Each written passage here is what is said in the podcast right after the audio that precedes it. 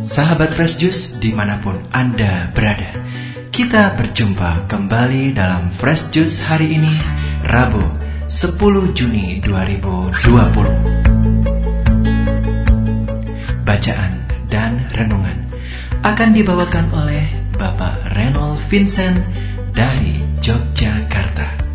Selamat mendengarkan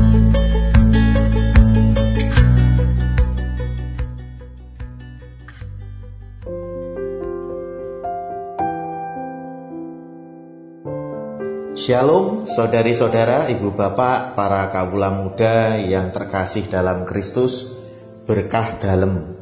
Kembali saya Reynold Vincent mengudara, menemani Anda sekalian merenungkan bacaan Injil pada hari ini yang diambil dari Matius 5 ayat 17 sampai 19. Janganlah kamu menyangka bahwa aku datang untuk meniadakan hukum Taurat atau kitab para nabi. Aku datang bukan untuk meniadakannya, melainkan untuk menggenapinya.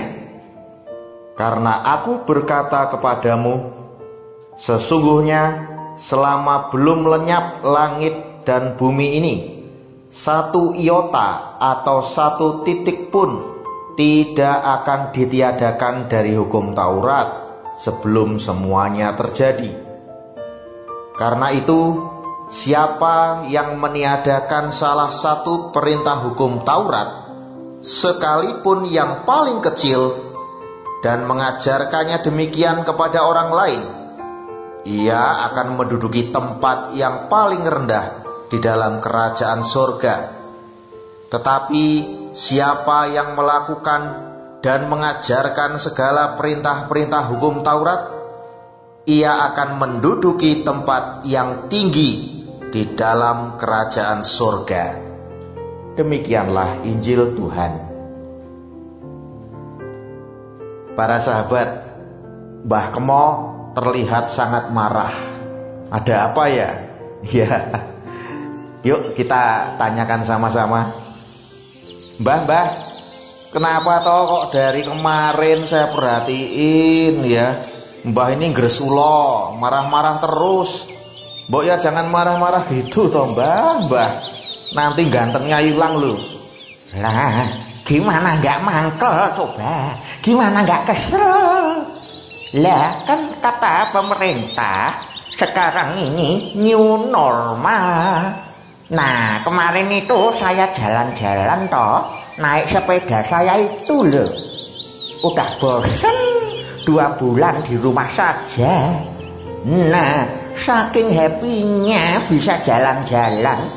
Lah saya naik sepeda itu sambil nyanyi-nyanyi kenceng. Itu loh lagu dari matamu, matamu, matamu lah kok malah orang-orang di jalan pada marah-marah ke saya. Walah mbah, mbah. Ya jelas mereka marah. Mereka mengira mbah itu misuh-misuh. Mereka ngira mbah ngata-ngatain mereka. Lawang matamu, matamu, matamu ya gitu kok. Seolah-olah mbah itu ngomong, "Woi, taruh di mana atau matamu itu?" Aduh. Para sahabat, banyak orang memang hanya memperhatikan konten saja, isi yang tertulis atau terbaca atau terdengar, tetapi melupakan konteksnya. Konteks Mbah Kemo tadi adalah dalam rangka nyanyi-nyanyi, bukan ngatain orang. Sama dengan orang Yahudi dalam Injil hari ini, hanya terpaku pada konten terjerat pada isi dan bunyi hukum Taurat atau adat istiadat saja sehingga kaku dalam pelaksanaannya. Hanya sekedar berpegang pada SOP, prosedur dan ketentuan tanpa peduli belas kasihan. Iya sih, mungkin harus begitu. Iya sih, memang mungkin normalnya demikian. Tapi sebenarnya para sahabat, kita sudah masuk new normal. Bukan saja sejak bulan Juni ini, melainkan sejak Yesus datang loh. Betul itu kalau kita sadari. Yesus tidak bermaksud menghancurkan atau melenyapkan atau merusak hukum Taurat atau adat istiadat orang Yahudi. Yesus tidak berniat untuk mengubah situasi yang normal di mana orang-orang Yahudi sangat berpegang pada hukum Taurat. Terlepas itu dilakukan beneran atau cuma basa-basi saja. Yesus itu bukan perusak, Yesus itu pendobrak. Namun para sahabat, Yesus di sini sekali lagi adalah pendobrak. Dia melakukan improvement, perbaikan, menaikkan kualitas pelaksanaan hukum Taurat dari sekedar basa-basi, dari sekedar ketentuan yang dilaksanakan dengan kaku menjadi dilaksanakan dengan konteks belas kasih, yaitu konteks suara hati. Suara hati itu adalah megafon atau speakernya atau atau uh, apa corongnya kasih. Ya. Yesus membawa hukum kasih yang menyempurnakan cara melaksanakan adat istiadat, kebiasaan yang kaku yang bersumber dari hukum Taurat dan kitab para nabi. Ini karena Yesus sudah bangkit, maka kita harus mengikuti Dia dengan hukum kasih ini. Coba bayangkan kalau Yesus masih mati, nggak bangkit-bangkit sampai 2000 tahun, sampai tahun 2020 ini ada makamnya Yesus, di mana ada jenazah Yesus di situ, pasti kita akan kecewa. Loh, Yesus katanya Tuhan. Lah kok malah mati? Ya kan? Yesus itu sudah bangkit. Makanya mari kita sama-sama benar-benar ya, saudara dan saya benar-benar melaksanakan hukum kasih yang dibawanya itu. Kita sama-sama juga seperti Yesus menjadi pendobrak-pendobrak yang sejati. Mendobrak siapa?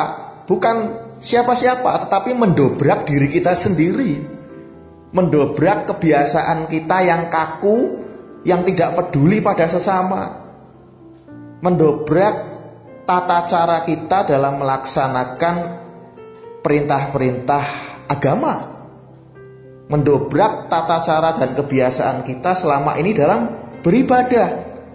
Jadi jangan hanya kaku pada aturan, tetapi mari lenturlah untuk melaksanakannya lenturlah untuk melaksanakan suara hati itu.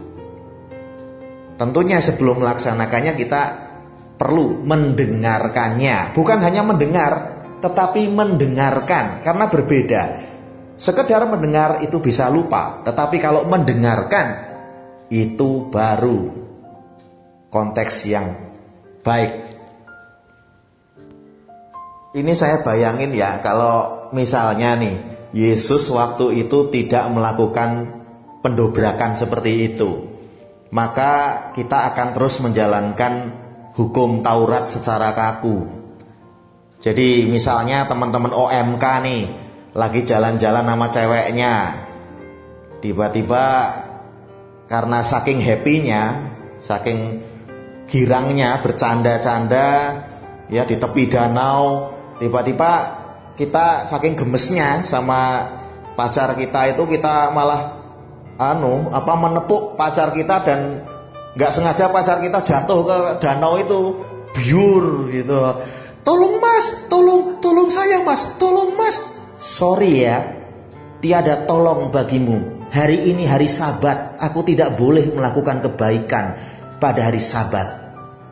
Saudari dan saudara mari kita syukuri karena Yesus sudah mendobrak hukum Taurat itu. Bukan mendobrak isinya, tetapi mendobrak konteksnya. Bukan kontennya, tetapi konteksnya. Tata cara dalam melaksanakannya. Jadi sekali lagi, rekan-rekan, para kaula muda, ibu bapak, saudari-saudara, Mari kita jangan hanya terpaku pada kebiasaan kita, pada adat istiadat kita, pada pikiran kita saja, tetapi mari kita isi adat istiadat, mari kita isi pikiran kita, mari kita isi kebiasaan kita dengan mengedepankan suara hati, dengan mengedepankan hukum kasih itu sendiri. Jadi, saudari dan saudara sekalian, saya sungguh mengajak kita semua karena saya benar-benar teringat. Waktu saya masih tinggal di Depok, yaitu masuk Kuskupan Bogor. Saya melewati sebuah perumahan, sebut saja namanya perumahan A. Nah, orang-orang di perumahan A itu sudah terbiasa ya menjadi kebiasaan mereka melihat seorang bapak tua penjual balon gas balon gas anak-anak itu tiduran di pinggir jalan balonnya masih banyak sekali kayaknya nggak laku nggak ada yang beli jadi saya heran tiap kali lewat perumahan itu kok nggak ada yang beli ya gitu saya juga begitu berapa kali saya lewat situ saya biarin aja tapi ada suara yang menyuruh saya berhenti ada suara yang menyuruh saya membeli atau menolongnya. Tapi saya cuekin suara itu. Suara dari dalam hati saya itu saya cuekin, saya langsung lurus aja karena saya mendengar ya dari warga perumahan situ kalau itu bapak sepertinya hanya pura-pura, pura-pura nggak laku supaya dikasih duit, supaya dibantu gitu. Nah setelah satu kilometer jauhnya dari perumahan itu, dari lokasi bapak tadi itu, saya tiba-tiba terhenyak gitu. Suara hati itu makin kencang, nyuruh saya balik. Saya balik akhirnya saudari dan saudara. Saya saya balik, saya kembali. Padahal sudah satu kilo tuh. Saya naik motor, saya kembali, saya menjumpai bapak itu tadi yang sedang tertidur pulas. Itu tadi saya tanya, saya bangunkan dia, Pak, Pak, Pak, eh, Bapak nggak laku-laku ini ya balonnya? Iya dari tadi pagi katanya begitu. Ini Pak saya belikan makanan. Memang sebelum saya ketemu Bapak itu lagi untuk kedua kalinya sebelum saya menjumpai ke situ saya mampir warteg dulu. Saya beli makanan untuk dia. Karena suara hati saya nyuruh begitu. Terlepas itu dia bohong atau tidak, biarkan turuti suara hati Anda, jangan turuti kebiasaan atau adat istiadat atau pengaruh-pengaruh dari masyarakat setempat yang mengatakan bapak itu penipu. Biarin aja yang penting suara hati kita suruh begitu, ya kita lakukan kebaikan itu, kita lakukan kasih itu. Urusan dia nipu, urusan dia membohongi saya itu urusan dia dengan Tuhan, bukan urusan saya. Jadi urusan saya adalah melaksanakan suara hati. Jadi saudari dan saudara, para kawula muda, ibu bapak sekalian, mari mulai detik ini saya mengajak saudara dan saya untuk membuat ya kebiasaan kita itu menjadi lebih hidup, menjadi lebih berharga di mata Tuhan dengan membungkusnya dengan konteks new normal yaitu ya normalnya kita hanya kebiasaan normalnya hanya terpaku pada adat istiadat, tetapi sekarang new normal. Kita isi new normal ini dengan suara hati. Jadi jangan hanya sekedar membaca kitab suci, jangan hanya sekedar mendengarkan khotbah di gereja, tetapi mari kita menggenapinya seperti Yesus menggenapi hukum Taurat. Caranya adalah kita melaksanakan suara hati melaksanakan kasih dan membagikannya kepada sesama untuk kemuliaan Bapa di surga dalam nama Tuhan Yesus. Amin. Dalam nama Bapa dan Putra dan Roh Kudus. Amin. Tuhan memberkati selalu untuk selamanya. Amin. Sahabat Fresh Juice, kita baru saja mendengarkan Fresh Juice Rabu 10 Juni 2020. Segenap tim Fresh Juice mengucapkan terima kasih kepada Bapak Reynold Vincent untuk renungannya pada hari ini. Sampai berjumpa kembali dalam Fresh Juice edisi selanjutnya. Tetap semangat, jaga kesehatan, dan salam Fresh Juice.